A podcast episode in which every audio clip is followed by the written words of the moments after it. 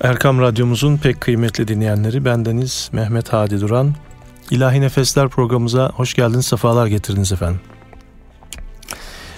Bu akşamki programımızda Min Gayri Haddin Sultanahmet Camii e, Hademe-i Hayratından biri olarak Hazrete yani Sultan 1. Ahmet Han'a bir vefa borcu olarak bugün onun hayatı e, ve kişiliği, edebiyat hakkındaki ya da hizmetleri hakkında sizlere bazı malumatlar vermeye gayret edeceğim. Ee, Osmanlı Devleti'nin kuruluşunun 700. yıl dönümü anısına Kitabevi tarafından bastırılan Sultanahmet Divanı'nın Tahlili isimli Doktor İsa Kaya Alp imzalı e, bir bilim adamının hazırlamış olduğu bir çalışma var ve ondan da sizlere paylaşımlarda bulunacağım inşallah. Efendim öncelikle bir eser dinleyelim ki bu eser de e, Sultan 1. Ahmet Han'ın belki biraz sonra onun hikayesini de anlatacağız ama onun e, bu eseriyle programımıza başlamak istiyorum. Nola tacım gibi başımda götürsem daim. Kademin akşını ol Hazreti Şahı Resulün. Güle gülzar nübüvvet o kadem sahibidir. Ahmeda durma yüzün sür kademine o gülün. Evet efendim bu dörtlüğü Efendimiz Aleyhisselatü Vesselam'ı için yazmış olduğu bu dörtlüğü bendeniz de acizane besteleme cüretinde bulundum. Ve onu da yapmış olduğumuz çalışmada okumuştuk ve hatta yapmış olduğumuz çalışmada CD çalışmasına da e, Kadem ismini vermiştik. Şimdi bu eseri dinliyoruz ve programımız başlıyor efendim.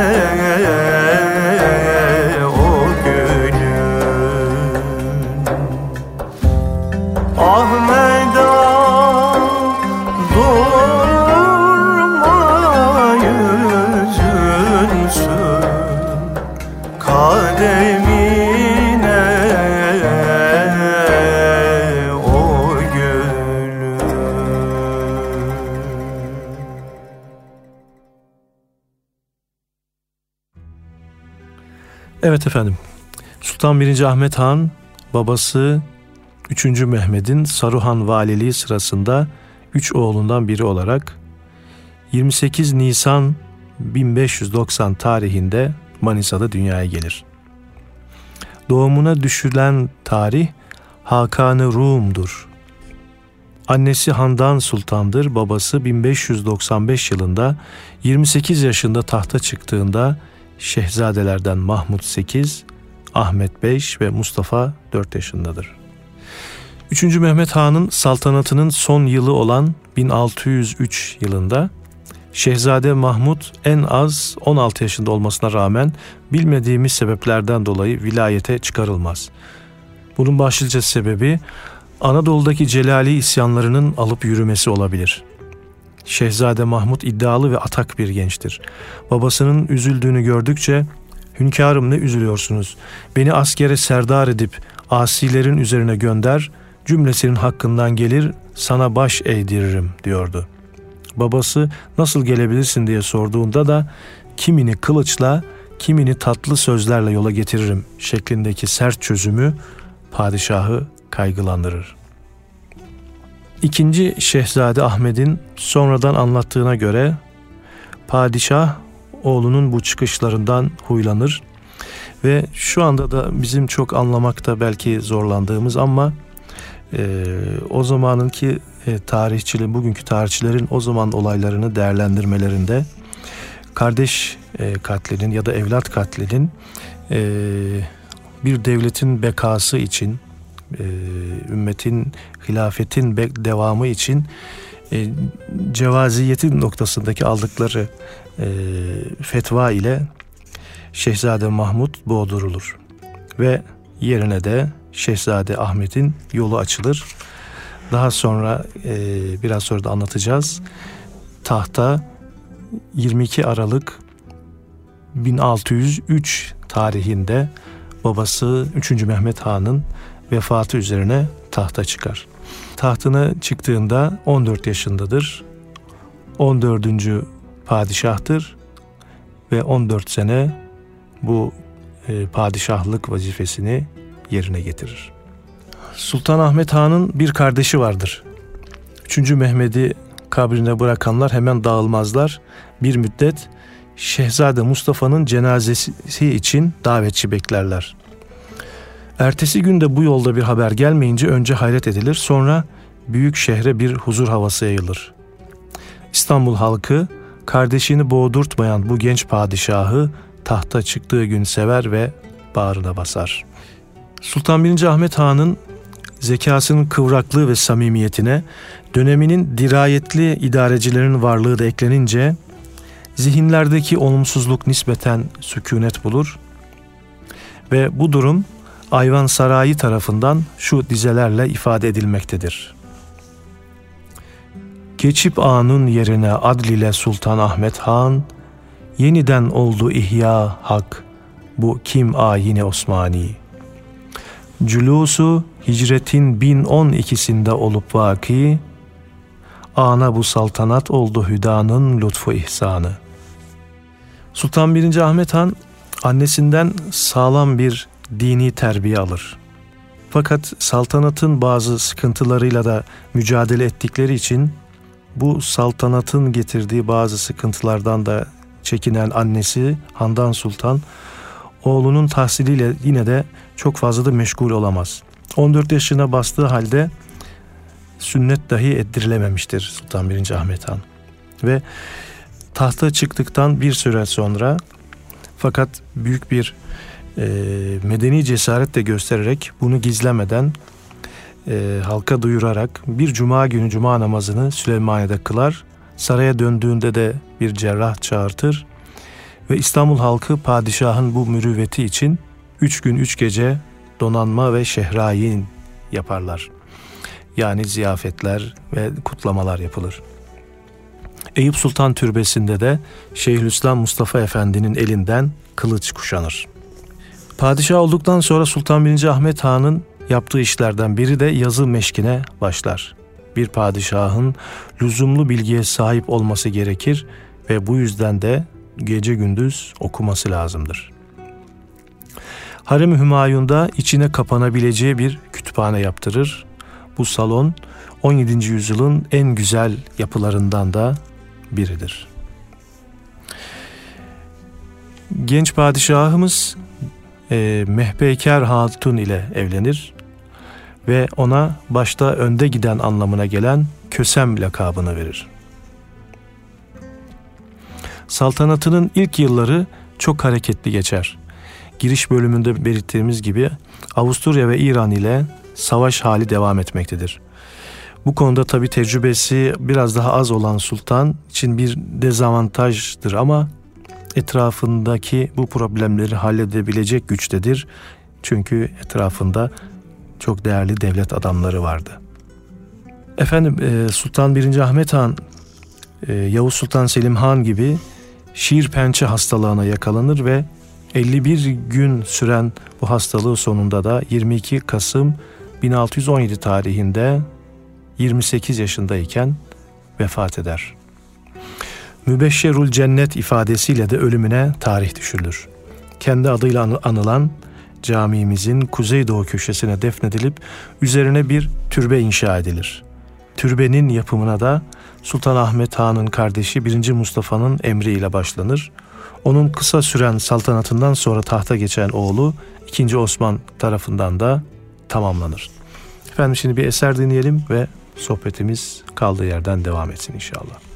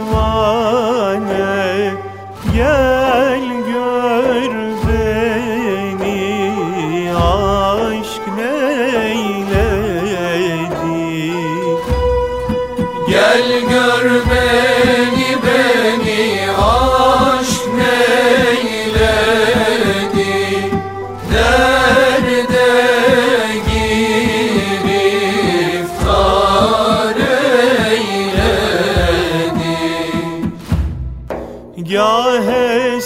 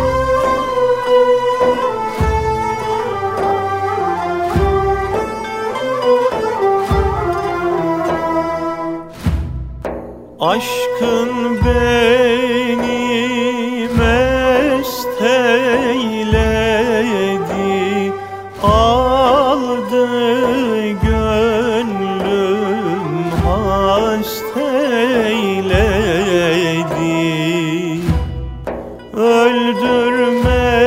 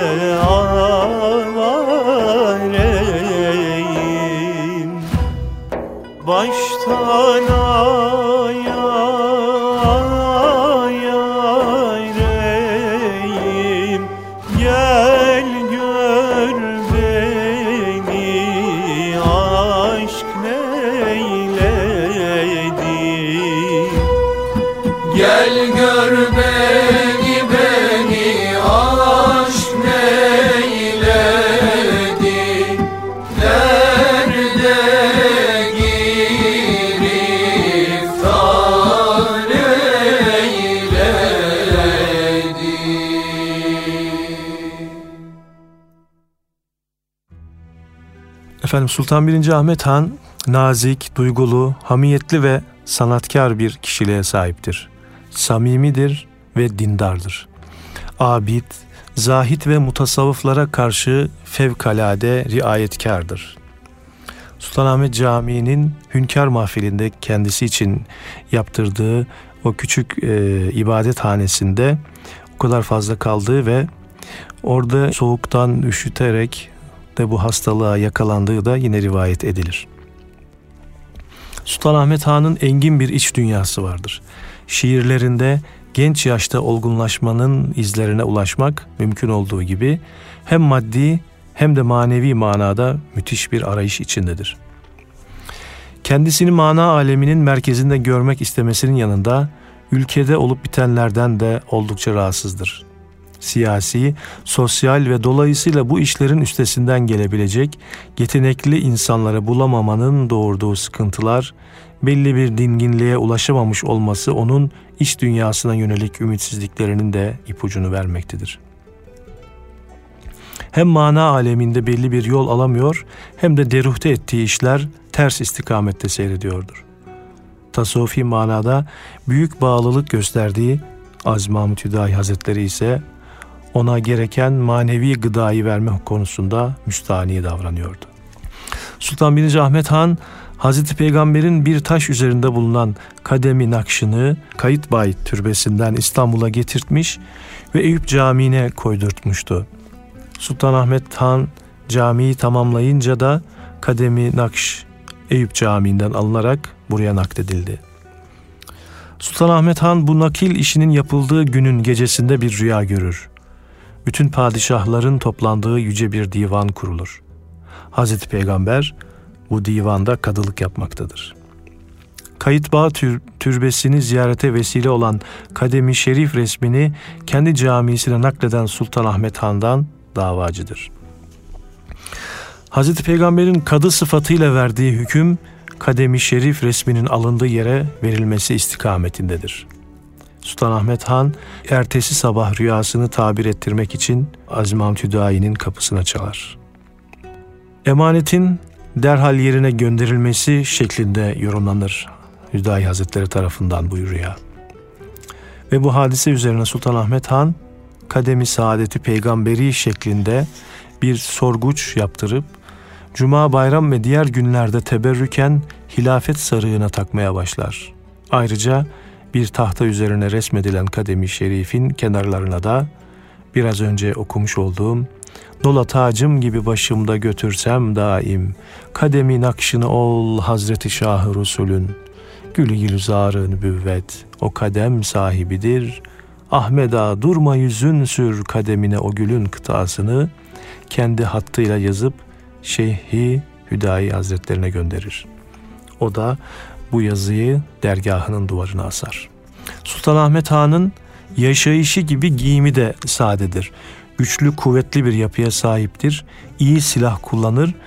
Bir keresinde Edirne'de bir e, şeşperi yani bu eski savaş aletlerinden altı dilimli olan bir topuzu 30 metre yüksekliğindeki burçtan aşırıp 500 metre ileriye atmış ve şeşperin düştüğü yere de bir sütun dikilmişti.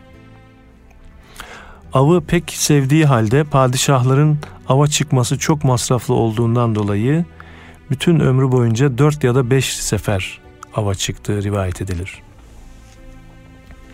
Efendim yine bir eser dinleyelim. Sonra sohbetimiz kaldığı yerden devam etsin inşallah.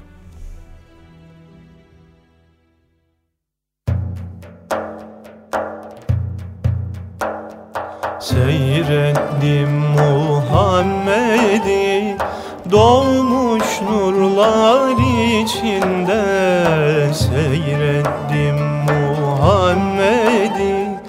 Doğmuş nurlar içinde Yer gök ruşen oldu. Söyler kundak içinde Allah yer gök ruşen oldu Söyler kundak içinde Doğurana hayran. Melekler eder bayram Doğurana hayran. Melekler eder bayram Hakkın didarın seyran eder kundak içinde Allah hakkın didarın seyran. Eder kundak içinde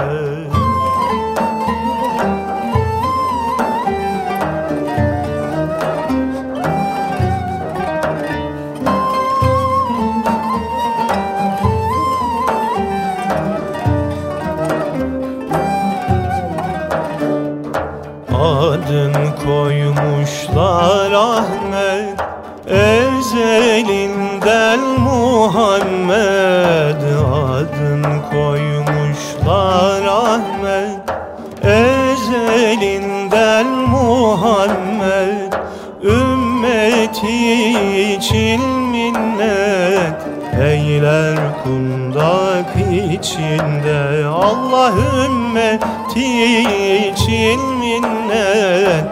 Eyler kundak içinde Sürmelenmiş gözünü Hakka vermiş özünü Sürmelenmiş gözünü Hakka vermiş özünü. Muhammed'in yüzünü göster mahşer yerinde Allah Muhammed'in yüzünü göster mahşer yerinde Evet efendim İlahi Nefesler programımızdayız ve Sultan 1. Ahmet Han'ın hikaye hayatını sizlere aktarmaya gayret ediyoruz. Sultan Ahmet Han ülkedeki kargaşanın ancak adaletle düzelebileceğine inanıyor ve zulme uğrayanlara bir bir adalet etmek istiyor. Her makam sahibinin adalet ehli olması gerektiğini söyleyerek her tarafa adaletin yayılmasını arzuluyordu. Adalet işlerinde Allah'tan yardım diliyor ve dileğinin onun rızasını kazanmaktan başka bir şey olmadığını söylüyordu. Bu durumun gerçekleşmesi için de ilmiyle amel edenleri bulup ortaya çıkarmayı ve onları himaye etmeyi istiyordu. Dünyada ilim ve marifet tahsil etmeyenleri hiçbir hüneri olmayan ata benzeterek onların sırtına zeyn raht vurulamayacağını çünkü alimin dünyanın hallerini bildiğini ve ilim olmayınca kaba gücün bir işe yaramayacağını belirtiyor. Gerçek padişahın tacının ilim, tahtının da kemal olması gerektiğini önemli vurguluyordu. Bu düşüncelere sahip olan Sultan Ahmet Han, Osmanlı kanunnamelerini bir araya toplatarak tanzim ettirdi. Çalkantılı bir dönem devralıp istikrarlı hale kavuşturan genç padişahın başarısında dervişliğinin de etkisi olmalıydı. Şeyhi Aziz Mahmud Hazretlerine karşı büyük bir saygı ve hayranlıkla bağlı oluşu onu düzenli ve kontrollü bir yapıya kavuşturmuştu. Şeyhi ise müstesnalardan da adeta. Ondan hükümdara, hükümdardan da ona halka geçen emniyet, istikrar ve iman, toplumun huzur ve kurtuluşuna etki etmiş, hayatını düzenlemiş bulunuyordu. Aziz Mahmut Hüdayi Hazretleri ile olan ilişkisine geçmeden evvel yine bir eser dinleyelim. Sonra programımız devam etsin inşallah.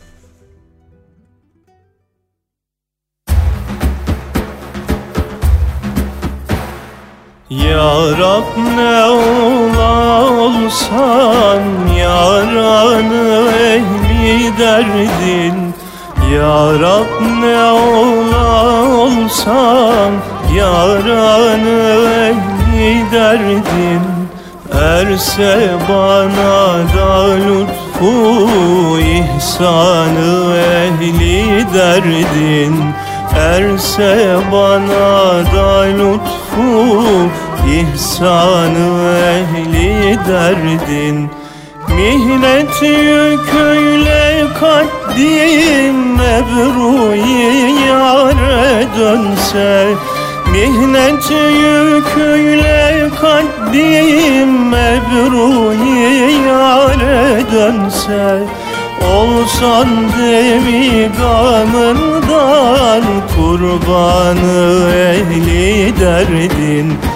Olsan demi gamından kurbanı ehli derdin.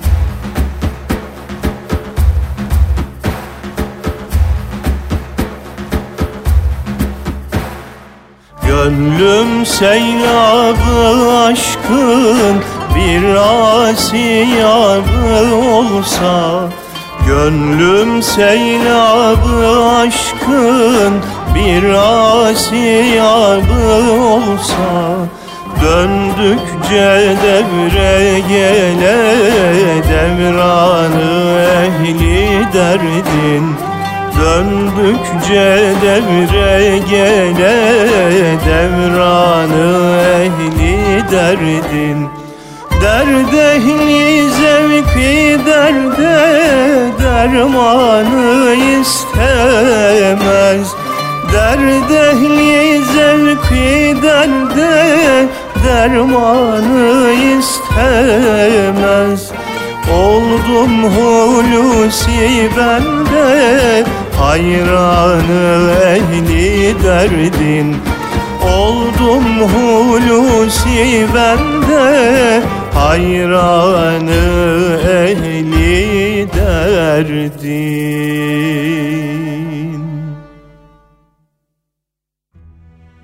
Sultan 1. Ahmet Han Aziz Mahmut Hüdayi Hazretlerine büyük bir saygı ile bağlı olmasına rağmen Aziz Mahmut Hüdayi Hazretleri zaman zaman aynı şekilde karşılık vermez. Şu hadise bu bakımdan çok ilginçtir ki Hüdayi Hazretlerine bir hediye gönderir. O bu hediyeyi kabul etmez ve iade eder. Padişah da aynı hediyeyi Abdülmecid-i Sivasi Hazretlerine gönderir. Bu hediyeyi Hüdayi'ye gönderdiğim halde kabul buyurmadılar demesi üzerine Sivasi Hazretleri Hüdayi öyle bir ankadır ki böyle laşeye, böyle leşlere tenezzül etmez cevabını verir. Daha sonra Hüdayi Hazretleri ile karşılaşan padişah hediyeyi Abdülmecid Efendi kabul etti deyince Hüdayi Hazretleri de padişahım Şeyh Abdülmecid öyle bir deryadır ki deryaya atılan bir katre çirkef ona bir halel getirmez. Onu müevves mülevves kılmaz cevabını verir. Dönemin büyük şeyhi olan Aziz Mahmud Hüdayi Hazretlerine pederim diyecek kadar bağlanan Sultan Ahmet Han henüz 15 yaşındayken bir gün Şeyh Efendi sarayda abdest alırken suyunu bizzat dökmüş ve annesine de havlu tutturmuştu. Bu sırada Sultan Ahmet Han şeyhine bir keramet gösterir misiniz der. Hüdayi Hazretleri Şevketlüm abdest alırken suyu padişah döker ve valide sultan da havlu tutarsa bundan daha büyük keramet ne olabilir karşılığını verir. Aziz Mahmut Hüdayi Hazretleri Sultanahmet Camii'nin açılışında ilk hutbeyi okur ve her ayın ilk pazartesi günü burada vaaz etmeyi kabul eder. Üsküdar'da bulunduğu yıllarda Bulgurlu'da bir çilehane ve bir hamam inşa ettirir. Çilehanenin bulunduğu yerdeki Bulgurlu köyü, ılı suluk tarlaları ve Gaziler Tepesi'nin bir kısmı padişah tarafından Ferman-ı Hümayun'la Hüdayi Hazretleri adına tescil edilir. Efendim menkıbelere göre Hüdayi Hazretleri'nin Sultanahmet Han'la tanışmasına vesile olan da bir rüya vardır malum. Sultanahmet Han rüyasında Nemçe kralı ile güreş tutup kendisinin arka üstü düştüğünü görür. Zahiren korkulu görünen bu rüyanın tabirinde zamanın yorumcuları aciz gösterince bir vesileyle yorumlanmak üzere Hazreti Hüdayi'ye yazılır. Onun da rüyayı padişahın Nemçe kralına karşı zafer kazanacağı şeklinde yorumlaması ve bilahare gerçekten Estergon'un geri alınarak Avusturyalılara karşı zafer kazanılmış olması sultanı mutlu eder. Çeşitli vesilelerle daha sonraki zamanlarda Hazreti Hüdayi'yi yakından tanıyan sultan, onun kemalini gördükçe kendisinin cihan padişahı olduğunu unutarak gönül sultanının önünde adeta sadık bir bende oluyordu. Çünkü o gerçek padişahlığın gönül tahtına hakkı sultan ettikten sonra başladığını biliyordu. Cenab-ı Hak kalpler ancak Allah'ın zikriyle mutmain olur buyurmaktadır. Bu da yine Kur'an'ın gösterdiği ölçülerle mümkün olabilir. Ey müminler Allah'ı zikredin. Hacı Hamdüday Hazretleri de zikrullahın bu özelliğini sohbetlerinde ve şiirlerinde şöyle ifade eder. Zakir safaya irişür, envar zikrullah ile, aşık hüdaya irişür, iksar zikrullah ile. Aşık olan cananına, girmiş fena meydanına, ermiş hakkın ihsanına, İsar zikrullah ile. Tasdik ile imana er, tahkik ile irfana er, bir bahri bi payana er, enhar zikrullah ile.'' Kesrette vahdet bul begim, baki saadet bul begim, sırrı hakikat bul begim, tekrar zikrullah ile. Diller acep hayran olur, esrar zikrullah ile. Yollar begim asan olur, asar zikrullah ile. Ref olsa zulmani hicab, dilden giderdi ızdırap. Yap, yap gönlün kasrını yap, mimar zikrullah ile.'' İsterse ger kalbin safa, zikreyle hakkı daima. Bimar olan bulur şifa, timar zikrullah ile. Sultan 1. Ahmet Han Hazretleri de Aziz Mahmut Hüdayi'nin izinden giderek zikrullahın özellik ve önemini divanında şöyle belirtir. Öncelikle bir eser dinleyelim, sonra da ila bu nutku şerifini dinleyelim efendim.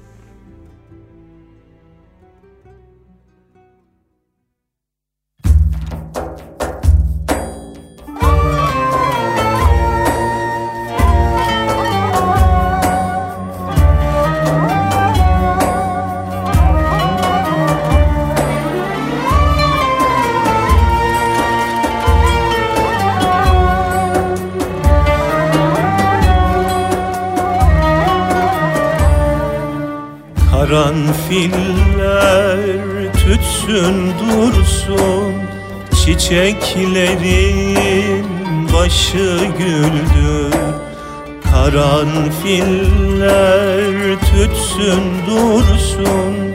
Çiçeklerin başı güldür. Bülbülleri ötsün dursun. Gözlerimin yaşı güldür. Bülbülleri ötsün dursun. Gözlerimin yaşı güldür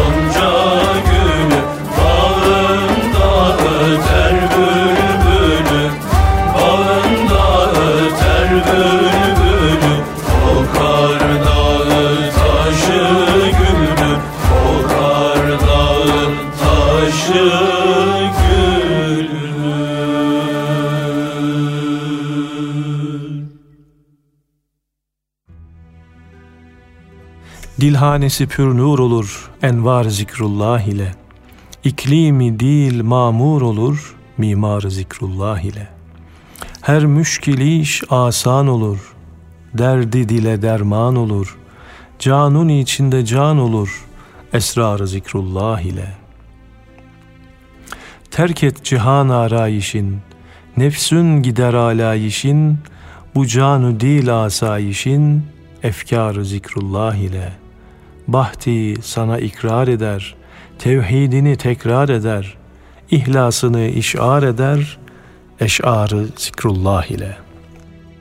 Efendim bu e, Nutku Şerif e, bestelenmişti tabi birkaç e, değişik makamlarda.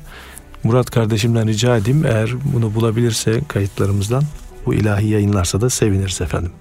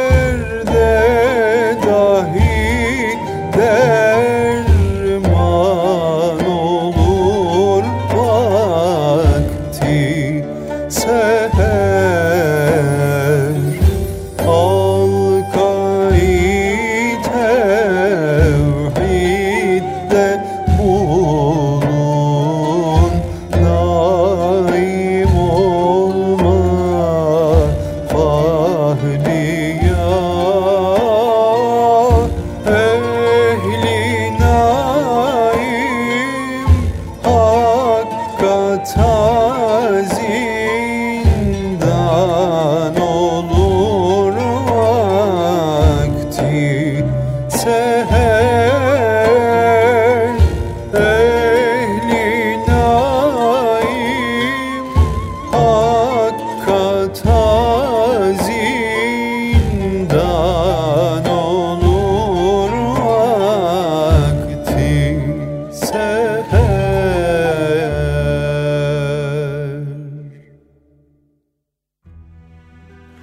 Günlerden bir gün Sultanahmet Han Üsküdar'a gittiğinde çarşıda Hüdayi Hazretlerine rastlar.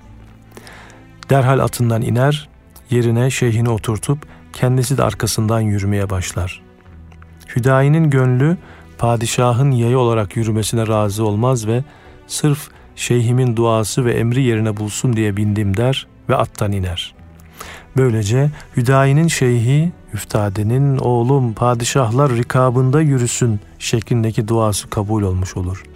Sultan Ahmet Han'ın bu hadise üzerine Ahmet Sağırban'a ait olan şu beyitleri söylediği nakledilir.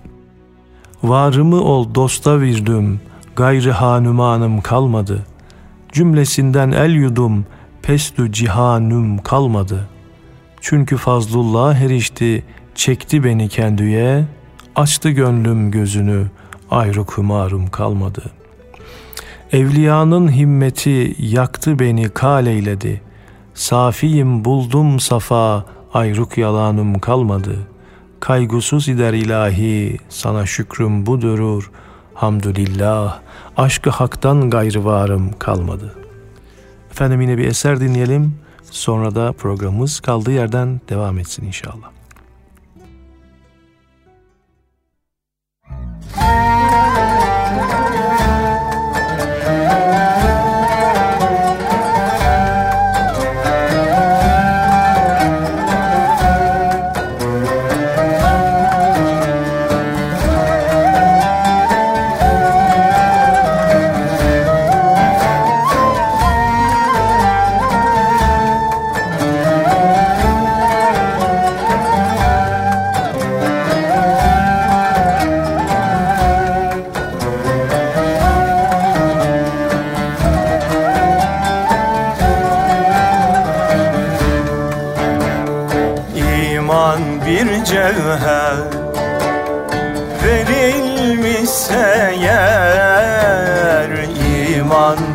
mücevher Verilmişse yer Değerini bil o sana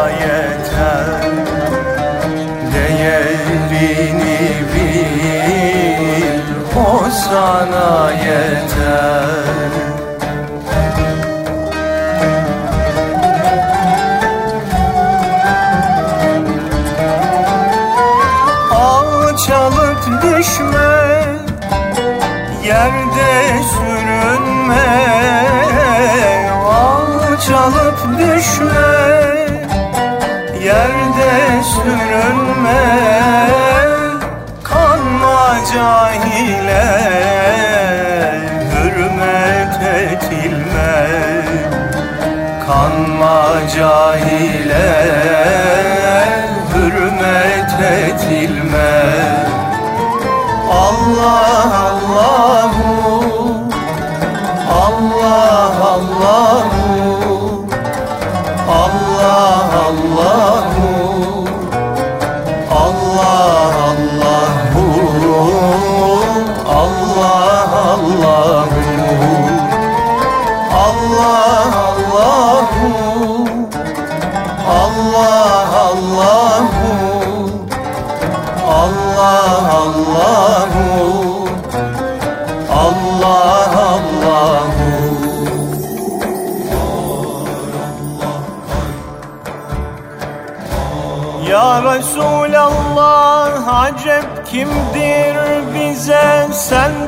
Yakin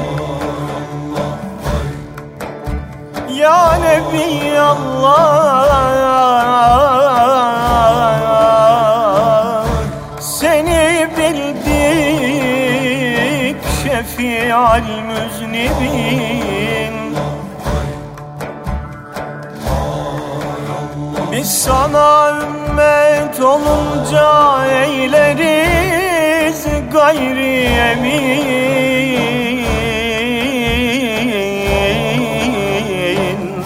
Es-salatu vesselam rahmeten lil alemin.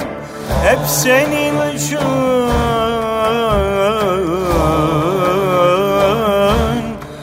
halk olundu bu semavat zemin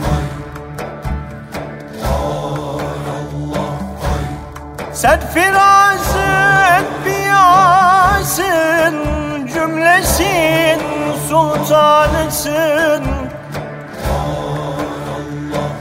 İlmi zahir, ilmi batın ilmiyle dön şahısın.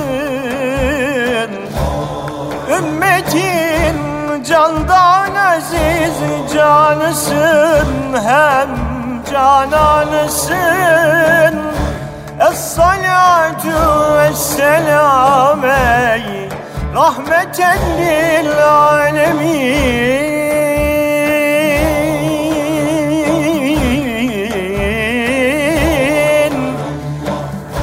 senin için halk olundu bu semavatü zemin.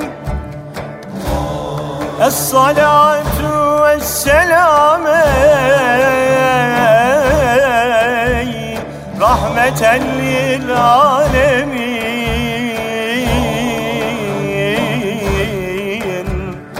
Hep senin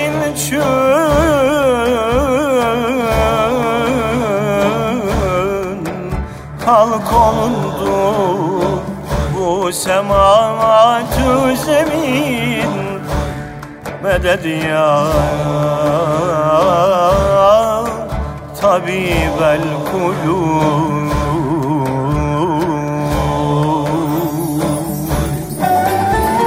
الله الله الله الله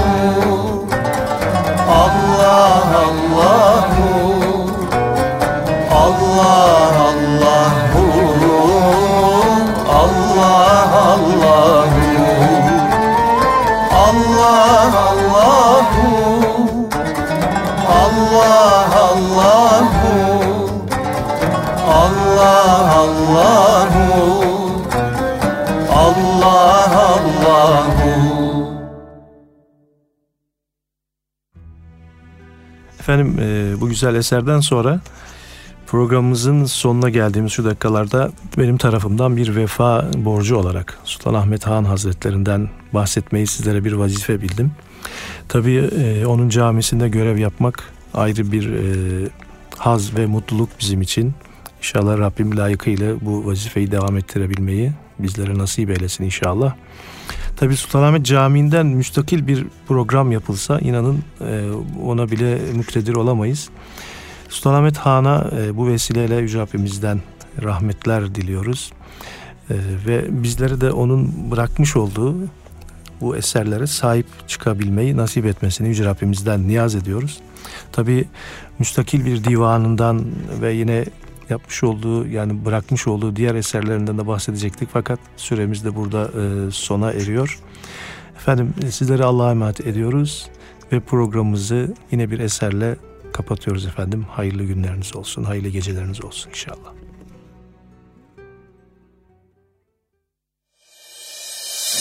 Allah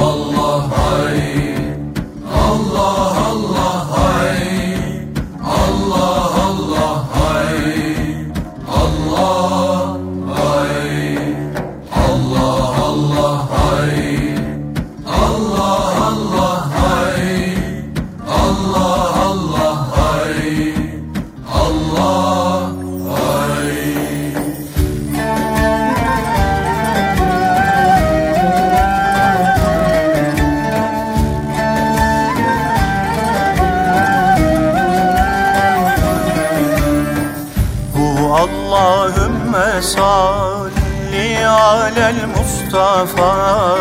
Hu Allahümme salli alel Mustafa. Hu nebiyyür risale ve bahrus safa. Hu nebiyyür risale ve bahrus safa. Hu çerrağı mescidü mihrabü minber Hu çerrağı mescidü mihrabü minber. Bu Ebu Bekir Ömer Ya Osman ya Haydar Bu Ebu Bekir Ömer Ya Osman ya Haydar Hu Allahümme salli alel Mustafa.